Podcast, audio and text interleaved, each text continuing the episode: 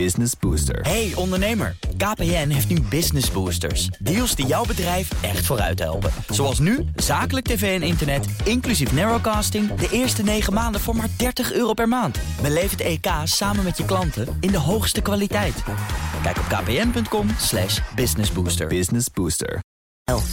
Economenpanel. De EU wil individuele begrotingsafspraken maken. Met elke lidstaat gaan de regels na al die jaren nu echt op de schop. En na jaren van geldstrooien houdt het kabinet vanaf nu de hand iets meer op de knip. Was dat te voorkomen geweest? Dat en meer bespreek ik in het Economenpanel. En daarin zitten Stefan, Steven Brakman, hoogleraar internationale economie aan de Rijksuniversiteit Groningen. En Edin Mujagic, hoofdeconoom van OHV Vermogensbeheer. Welkom heren. Laten we maar eens eh, beginnen bij die voorjaarsnota. Want voor het eerste jaren gaat het kabinet bezuinigen. Zo wordt eh, de gratis kinderopvang uitgesteld. Het stapbudget wordt geschrapt. Er vinden wat bezuinigingen plaats in de zorg. Staat allemaal in de voorjaarsnota. Vrijdag gepresenteerd en daarvoor al grotendeels uitgelekt. Minister Kaag zegt het is een eh, noodzakelijke stap. Maar ze wil tegelijk blijven investeren. Vasthouden aan de ambities van dit kabinet. Steven, is dat op die manier ook een beetje gelukt? Of heeft ze een veer moeten laten?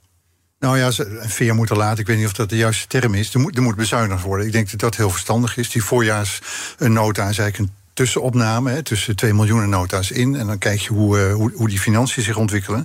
En wat we nu zien aankomen, en dat is niet onverwacht, is dat, uh, dat die uitgaven te hard oplopen. Dus kijk, kijk je naar de afspraken die we in Europa gemaakt hebben, de Stabiliteits- en Groeipact. Het begrotingstekort mag niet meer zijn dan 3% van het nationaal inkomen, de staatsschuld 60%. Uh, nou, daar, qua staatsschuld doen we het heel goed. Zitten we rond de 50, hè, dat loopt dan wat op. Uh, maar die, dat begrotingstekort, ja, dat, dat is te hoog. Nou, gaat nog net lukken volgens mij, toch? Die 3 ja, nee, maar dan de volgende kabinetten ja, niet meer. Ja, de, de, dus die voorjaarsnota, dat is een verandering die vorig jaar is ingevoerd. Ze kijken nu ook een paar jaar vooruit. Wat betekenen uh, de huidige afspraken nu voor de komende jaren? En dan zie je toch dat het oploopt. En als gevolg daarvan neemt de staatsschuld ook toe. Dus ik denk dat het heel verstandig is dat Kaag zegt van... nou ja, we moeten nu pas op de plaats maken. We hebben een aantal jaren heel veel uitgegeven door, door corona, uh, energiesubsidies. Nou, daar moet nu een eind aan komen. Haar voorganger sprak zelf over diepe zakken, hele diepe zakken. Dus dat uitgeven van dat geld, dat was ook wel overwogen. Dat was wel overwogen en ook heel erg nodig. Dus denk aan COVID, dat is heel verstandig beleid geweest. Dus uh, de, door die enorme uitgaven zijn, uh, is het heeft men voorkomen dat bedrijven die op zichzelf gezond zijn, dat die ook failliet gingen. Die zijn geholpen, dat is, dat is heel goed geweest. Het herstel kwam ook heel goed op gang. Nou, dat is prima. Maar nu moeten we dus toch wennen aan, uh, ja, aan een nieuwe situatie. Dat die diepe zakken toch iets minder diep zijn dan we een lange tijd gedacht hebben. En dan zegt Kaag, nou, wikken en wegen, we zijn eruit gekomen. Uh, de begroting moeten we zoveel mogelijk dekkend krijgen. Is zoveel mogelijk dekkend krijgen genoeg, Kijk, ik hoor de hele tijd dat, dat, dat uh, in Den Haag het roer uh, om moet en dit en dat. En als, als je kijkt naar. Je stevend naar uh, 3% begrotingstekort. In een jaar waarin de economie met iets meer dan anderhalf procent groeit. Dat, dat, dat is in lijn met wat de houdbare groei van de Nederlandse economie is. Die 3% is wel de uh, uiterste grens die toegestaan is, maar in exceptioneel slechte economische tijden. Anderhalf procent kun je niet exceptioneel slecht uh, noemen, vind ik. Uh, bovendien wordt er bezuinigd met een kaasschaafmethode. Dan kun je zeggen dat is het eerlijk verdelen van de lasten. Je kunt ook zeggen dat is het, het, het, uh, het enige wat je over hebt als je niet echt keuzes wilt gaan maken. Dus dan haal je overal wel iets weg. Terwijl je juist op dit soort momenten, en kijkend naar de toekomst en wetend dat je naar een andere economische omgeving gaat, moet je echt keuzes gaan maken. En die, dat, dus die keuzes gaat maken, dat doet pijn. Maar dat is nou eenmaal onlosmakelijk verbonden met het feit dat je je begroting, je overheidsfinanciën, toekomstbestendig moet gaan maken. Welke dus, keuzes zal je maken dan?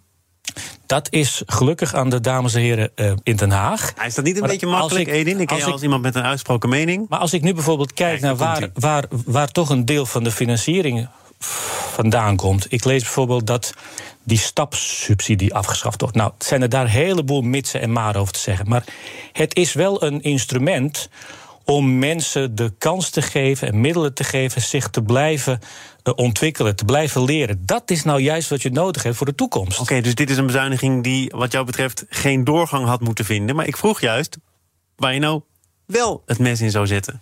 En ik zei, het is gelukkig aan dames en heren in Den Haag. Uh, maar, uh, of zeg je, zet nergens het mes in en verhoog de belastingen? Nou, de belastingen die zijn al behoorlijk hoog in dit land. Uh, wat mij wel, wel weer opvalt, is dat, dat er heel snel wordt gedacht aan het verhogen van belastingen, eh, andere heffingen. Uh, terwijl je ook, zeker in dit soort momenten in mijn optiek, goed zou moeten gaan zitten kijken waar kan de overheid misschien structureel wat minder groot worden. Want dat levert ook heel veel geld op. Steven? Nou ja, kijk, je moet wel bedenken, dit is een voorjaarsnota. Dus de, de grote beleidsmaatregelen die volgen uh, in september hè, bij de miljoenennota. Maar ik denk dat een aantal dingen wel voor de hand liggen. Dus denk aan, aan het uh, milieu- en klimaatprobleem waar we voor staan. Er zit D66, is uh, lid van het kabinet. En je zou toch verwachten dat op dat terrein, gegeven lidmaatschap van D66, dat er grote stappen worden gezet. Dus pak ook door met het klimaatbeleid. Dus zorg ook dat die, die plannen zijn ook gepresenteerd, zijn er 122. Ja, maar dat zijn ook deels zijn het, uh, uh, ja, afspraken waarvan zeg maar, de, de effectiviteit nog te bezien valt. Maar ik denk dus aan lastige afspraken, ook binnen het kabinet. Uh, verhoog bijvoorbeeld de belasting op benzine. Nou, daar loopt men toch met een beetje een boog omheen. Hè. Het wordt met een paar cent verhoogd. Maar je zou ook door kunnen pakken. CO2-belasting, heffingen op kerosine. Dus ik ben het met Eden eens dat eigenlijk verwacht je, maar dat, dat is iets voor de miljoenennota, dat er plannen worden gemaakt, dat er ook keuzes worden gemaakt. Uh, denk bijvoorbeeld ook aan de, de, de, fiscale behandeling van vermogen. Dus verlaag zou... de belastingen op arbeid en verhoog die op, op vermogen. Dat, dat is ook een bijdrage aan de gelijkheid in uh, Nederland. Maar als men hierover zou nadenken, dat aan zich zou enorme winst zijn. Want wij betalen nu voor een groot deel rekening en ik doel dan op de rentelasten, voor het feit dat afgelopen kabinetten te weinig hebben nagedacht over de toekomst. We hebben heel wat jaren gehad met negatieve rentes. Je had in die tijd die, uh, uh, de, de conclusie mogen trekken, dat blijft niet voor eeuwig zo. En gegeven het feit dat je weet dat je grote uitgaven hebt in het kader van energietransitie, duurzaamheid, had je wat eerder, daarop moeten uh, mogen voorsorteren. Waardoor de rentelasten nu misschien wat minder hard waren opgelopen dan, dan, dan ze gaan oplopen. De rente stijgt, dat is heel goed. De, de, rente was veel te laag. Dat was eigenlijk een onhoudbare situatie. Dus dat de ECB de rente heeft verhoogd, dat is prima. En dat normaliseert de situatie. Ik wil toch een beetje voor het kabinet opnemen. Uh, er zijn wel degelijk plannen gemaakt. Uh, die ook de lange termijn bestrijken. Dus denk aan al die fondsen die opgericht zijn. Het Nationaal Groeifonds, het Klimaatfonds. Dat zijn, uh, het doel daarvan was nu juist om eigenlijk buiten ja, de politieke cyclus. Hè, dus om de zoveel tijd de verkiezingen en dan worden al die plannen weer aangepast. Om nu zo'n lange termijn beleid te voeren. Uh, daar zijn ook wel bezwaren tegen. Je houdt die uitgaven buiten het normale begrotingsproces. Dat wil je eigenlijk liever niet. Maar dat er, een, dat er wel degelijk een lange termijnvisie is. Met en hoe doelmatig die fondsen waren, hè, waar gebruik dat is ook een discussie. Voor. Maar het idee dat er zeg maar, naar de lange termijn gekeken wordt, dat is wel een goed element van, van die fondsen. Naast de nadelen die er ook zijn. Dus de effectiviteit, de doelmatigheid, kun je op een andere manier beter bereiken. Die, die, die kritiek die is er ook. Maar dat het kabinet niet naar de lange termijn heeft gekeken, daar ben ik niet helemaal met je eens. Maar wat ik zeg is, je had die fondsen, wat mij betreft, meteen mogen, vol mogen financieren door 50-jarige staatsobligaties uit te geven tegen bijna 0% rente. Dan had je dat probleem in niet gehad. En waren onze rentelasten niet zo snel opgelopen als dat ze nu oplopen. Eens. Dus, dus het kabinet heeft ook bij het opstellen van dit regeerakkoord gedacht, volgens mij meen ik, uh, dat die rente laag zou blijven, toch? Rekening gehouden met een percentage van zo'n 0%. Ik weet nog dat zij, dat, dat zij niet zo heel lang geleden, vorig jaar ging men nog uit dat de rente op 0% zou gaan blijven. Mind you, dat was in een omgeving waarin de centrale banken al bezig waren met het verhogen van de rente en waarin de inflatie hoog was. Daar hoort geen 0% rente bij, Thomas. Steven? Nou ja, kijk, je moet een beetje teruggaan. Het kabinet zit er nu ruim een jaar. Uh, het is een verstandshuwelijk geweest. Dus er, zijn oneen, er is oneenigheid in het kabinet. Tegen een aantal zaken wordt echt verschillend aangekeken. En hoe heeft men dat opgelost? Door geld uit te geven. Dus expansief begrotingsbeleid. Dus men is eigenlijk met een grote boog heen gelopen. Uh, om die keuzes waar we het net over hadden, om die ook echt te maken. De keuze die wel gemaakt is, Overigens is dat geld dat voor een belangrijk deel nog in de verre toekomst zou moeten worden uitgegeven. Dat is natuurlijk de ereschuld die moet worden ingelost aan Groningen. Ik vraag even hier aan Groningse hoogleraar. Ja, dat is, dat is terecht. Maar heb je er ook fiducie in dat dat geld daadwerkelijk die kant op gaat? Ja, ik, eh, ik zou toch met enig vertrouwen kijk ik er nu tegenaan. Het heeft een hele lange geschiedenis hè, sinds de, die grote aardbeving in 2012. Ik heb het idee dat men nu echt wel uh, doordrongen is van het idee uh, dat daar geld naartoe moet. Uh, en het is, een eresel, het is een politieke realiteit dat er geld nu naar Groningen gaat. Er is schade aangericht, die schade moet hersteld worden. Dus ik denk dat dat heel terecht is.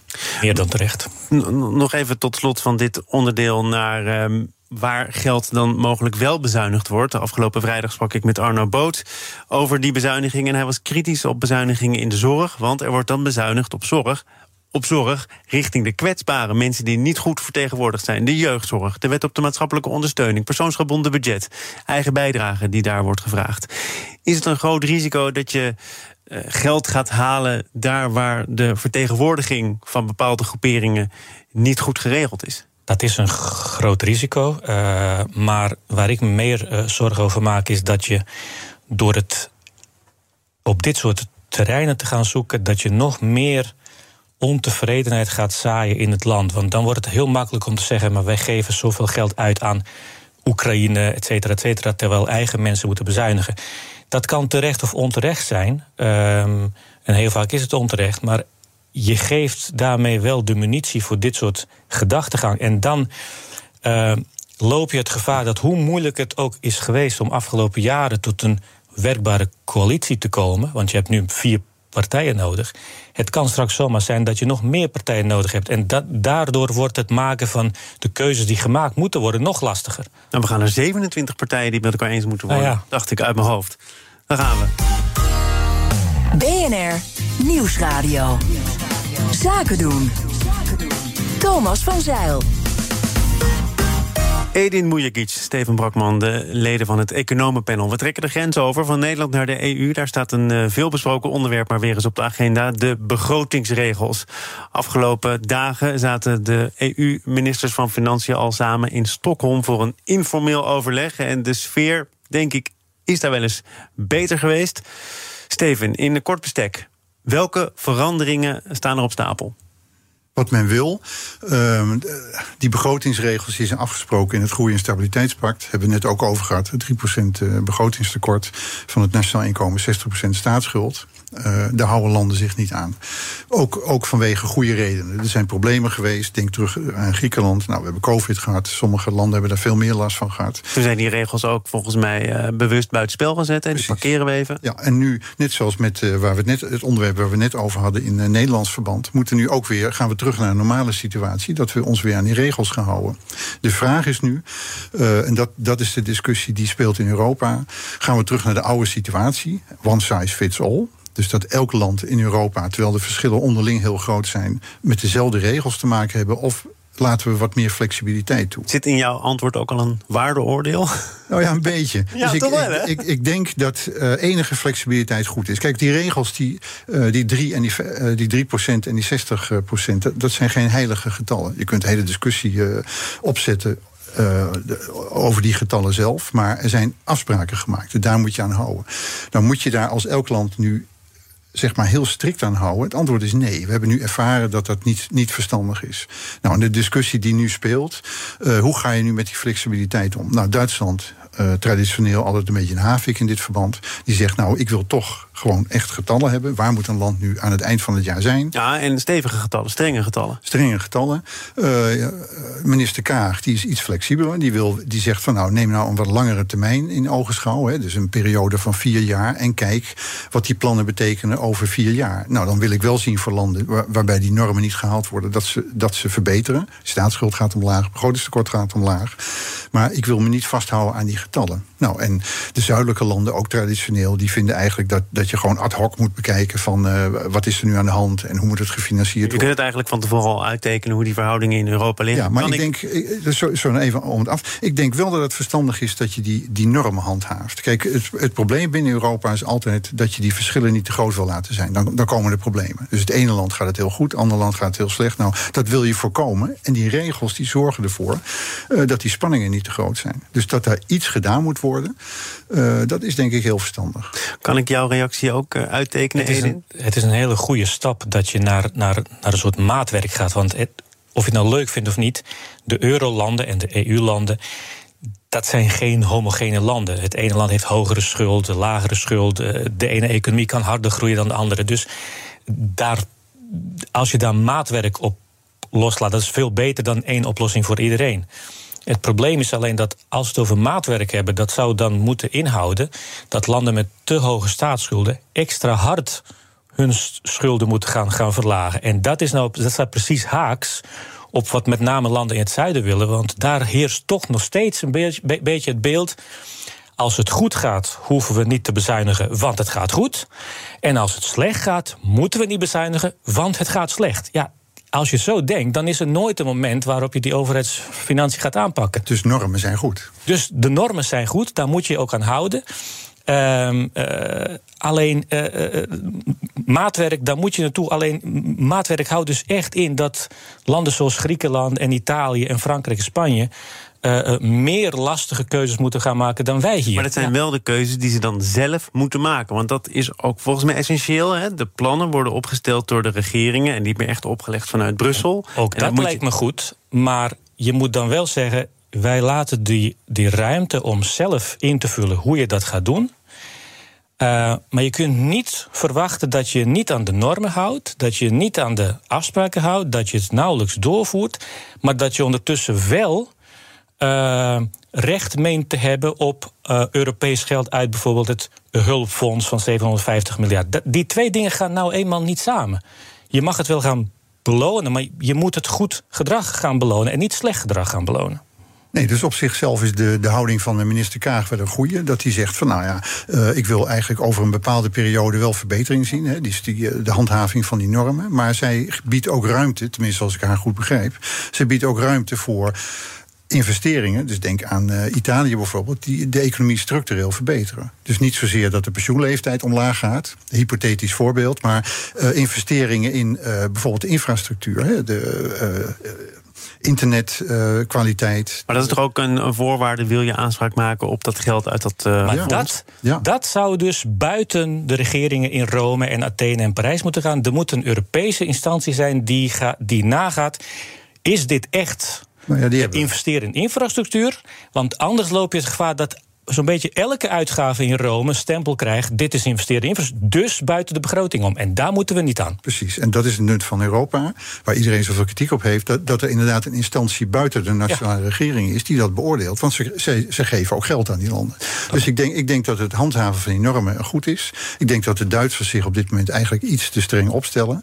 Dan ga je eigenlijk weer terug naar het oude systeem. Hè. Dat zeggen ze daar ook. Hè? Als we er nu niet uitkomen, dan uh, houden we toch vast aan wat we hebben. Ja, ja en dat, dat, dat, dat is denk ik niet realistisch. Ik denk, we hebben ervaren met COVID uh, dat dit soort grote klappen die landen kunnen overkomen, dat die in het ene land harder aankomen uh, dan in het andere land. Hè. COVID kwam in het zuiden, uh, Italië, daar begon het ook, kwam, kwam daar veel harder aan. Maar waar ik me Waar ik me over verbaas, Thomas, in deze discussie, is dat zo'n instelling als de Europese Centrale Bank niet veel harder op de lijn gaat zitten dat, dat je afspraken moet maken en je daarop moet houden. En dat om twee redenen. Eén, we weten dat als overheidsfinanciën dreigt te ontsporen, uh, dat jaagt inflatie eerder aan dan dat het inflatie afremt. Inflatie is nu al te hoog, dus de ECB heeft daar al een probleem. En tweede, wat in mijn optiek wat grotere probleem is, als je ook op dit terrein geen afspraken maakt waar men zich aan kan en wil houden, dan, dan loop je het gevaar naar de toekomst toe dat er steeds meer ontevredenheid ontstaat in bijvoorbeeld landen zoals Nederland, waarbij er een keer een omslagpunt kan komen uh, en zo'n land de conclusie kan trekken dat de nadelen van deel van Europa zijn groter uh, worden dan, Er wordt nu toch gezegd, daarvan. we gaan die uh, normen dus, opstellen en handhaven. Hè, reputatiesancties uh, ja, reputaties worden in het leven geroepen. Boetes. Dat was ik vorig jaar ook. We gaan, want er was ergens in een document van de Europese Commissie... ja, als landen zich daar niet aan houden... dan gaan wij, dan gaan we de publiciteit opzoeken. Is er dan iemand die niet weet dat Italië zich niet aan de regels houdt? Dus dat, dat is zo'n zo'n zo'n dooddoener. Nou ja, die, die, kijk, die sancties, dat, dat werkt niet goed. Kijk, uh, de, de, Europese Commissie heeft geen leger die, die ze naar een land kunnen sturen om, uh, om het geld te innen. Dat, dat, dat lijkt goed ook. Niet. Maar er is, er is een instantie die uh, veel harder is, en dat, is, dat zijn de financiële markten. Dus op het moment dat, dat men twijfel krijgt aan de betaalcapaciteit van Italië, de regering valt, dat hebben we vorig jaar gezien, dan gaat de rente daar meteen omhoog. Dus de financiële markten die zijn hard, die straffen verkeerd gedrag meteen af. En nou. dat is ook het belang. Dus wat is nu eigenlijk de rationaliteit van die regels die we hebben? in een stabiliteits- en, en groeipact, is in feite dat, dat, je die verschillen niet te groot wil maken. Nou, en de financiële markten die straffen iets af. Dus denk ook aan, aan Griekenland, hè, het geval van uh, tien jaar geleden. Dat werd hard afgestraft. Die rente die ging naar eh, pijlsnel omhoog. De financiële markten die kunnen inderdaad landen afstraffen als ze geen goed beleid voeren. Maar dan moet de ECB wel wegblijven van die financiële markten. Want met heel veel instrumenten schakelt de ECB de, de werking van markten juist op het moment dat die marktwerking nodig is. Christine Lagarde ontkent dat. Ja, ze ontkent wel meer. Maar eh, zit jij meer in eh, kamp Lagarde of in kamp Mujagic? Nou, kijk, wat de ECB doet... de ECB is geen onderdeel van de Stabiliteits- en Groeipact. Dus de ECB die, die eh, bemoeit zich in feite niet met het begrotingsbeleid... heeft er wel een oordeel over, daar kunnen ze iets over zeggen... net zoals de Nederlandse Bank dat ook altijd doet. Zeggen ze met enige regelmaat, toch? Geef ja. meer geld uit, geef minder geld uit. Zorg ervoor dat we in Europa niet op twee verschillende snelheden gaan ontwikkelen. Ze, ze hebben op Europees niveau een beetje de functie... die de Nederlandse Bank binnen Nederland heeft. Uh, het begrotingstekort is eigenlijk altijd te hoog. Dus dat, dat dat de taak van de Nederlandse bank. Maar hun, hun hoofdtaak is uh, het regelen van de inflatie. Dus zij moeten kijken van nou, is die inflatie te hoog of niet? Nou, ze hebben één norm waar ze zich uh, op moeten richten. Dat is die 2% inflatienorm. Nou, dat is in feite hun, hun beleidscriterium waar ze zich op moeten richten. Nu we daar toch uh, zijn aanbeland. Het is bijna zover, hè? Het rentebesluit van de ECB. Het is bijna zover. Niet echt nog, spannend, toch? Oh, je wil, je wil iets Maar nog heel, heel even hierop. Kijk, we hebben het over stabiliteits- en groeipact... en allerlei lastige keuzes die we moeten maken. Maar laten we het heel even relativeren. Wat er ook gebeurt bij ons... de overheidsdienstverlening gaat door ambtenaren worden niet ontslagen. En wij, blij, wij gaan niet. Het schuldenplafond. En, en, Amerika heeft dus een groter probleem. Want als ze daar niet uitkomen met het verhogen van het schuldenplafond. dan stoppen daar overheidsdiensten. En dan dreigt het gevaar dat het land technisch failliet gaat. Zijn er toch al 90 jaar dat zijn toch wat. Ze ja. komen er altijd uit, maar soms, soms dat ben ik met je eens. Soms gaat het uh, bijna mis. Er zijn wel eens ambtenaren naar huis gestuurd. En dat probleem hebben wij hier niet. Dus dat, dat is toch, toch wel een beetje winst, Thomas. De, de analisten spreken dan dus ook over een faillissement van de Verenigde Staten. Goed om dat nog even aan te halen, Edin. Maar wat gebeurt er dan als, als nee. de Verenigde Staten wanbetaler Nee, de Verenigde, de Verenigde, Staten is geen wanbetaler, gaat ook niet failliet. Het is een eigenaardigheid van het begrotingsproces in de VS. Dus wat, die, wat ze daar doen, ze eerst keuren ze de begroting goed. Nou prima, daar zitten uitgaven en inkomsten aan vast. En vervolgens gaan ze nog een keer stemmen uh, over, over de gevolgen ervan dat de schuld toeneemt. En dan gaan ze weer in onderhandeling. En dat is eigenlijk heel raar. Die tweede stap zouden ze gewoon moeten dat overslaan. hebben wij hier niet. En dat hebben we hier niet. En wat het dan uh, van vandaag de dag concreet betekent, is volgens mij dat er nu in een van die huizen is gezegd: Nou, uh, onder deze voorwaarden kunnen we ermee akkoord gaan. Maar volgens mij is al duidelijk dat de Senaat dat geheid zal blokkeren. Dus moet wie precies water bij de wijn doen? Nou, dat gebeurt over en weer. Dus op een gegeven moment is het handjeklap. Dus dat, uh, uh, er zijn senatoren die zeggen: Ik wil die brug gebouwd hebben in mijn, uh, mijn staat. Als jullie dat doen, dan stem ik toch weer mee. Dus het is in feite wat er nu gebeurt, is handjeklap. Hier uh, genoeg handen geklapt in het uh, economenpanel. Edin Mujagic, hoofdeconoom van OHV Vermogensbeheer. Morgen gewoon weer te horen in dit programma. En Steven Brakman, uh, hoogleraar in, internationale economie... aan de Rijksuniversiteit van Groningen. Even niet te horen, want je gaat zeilen.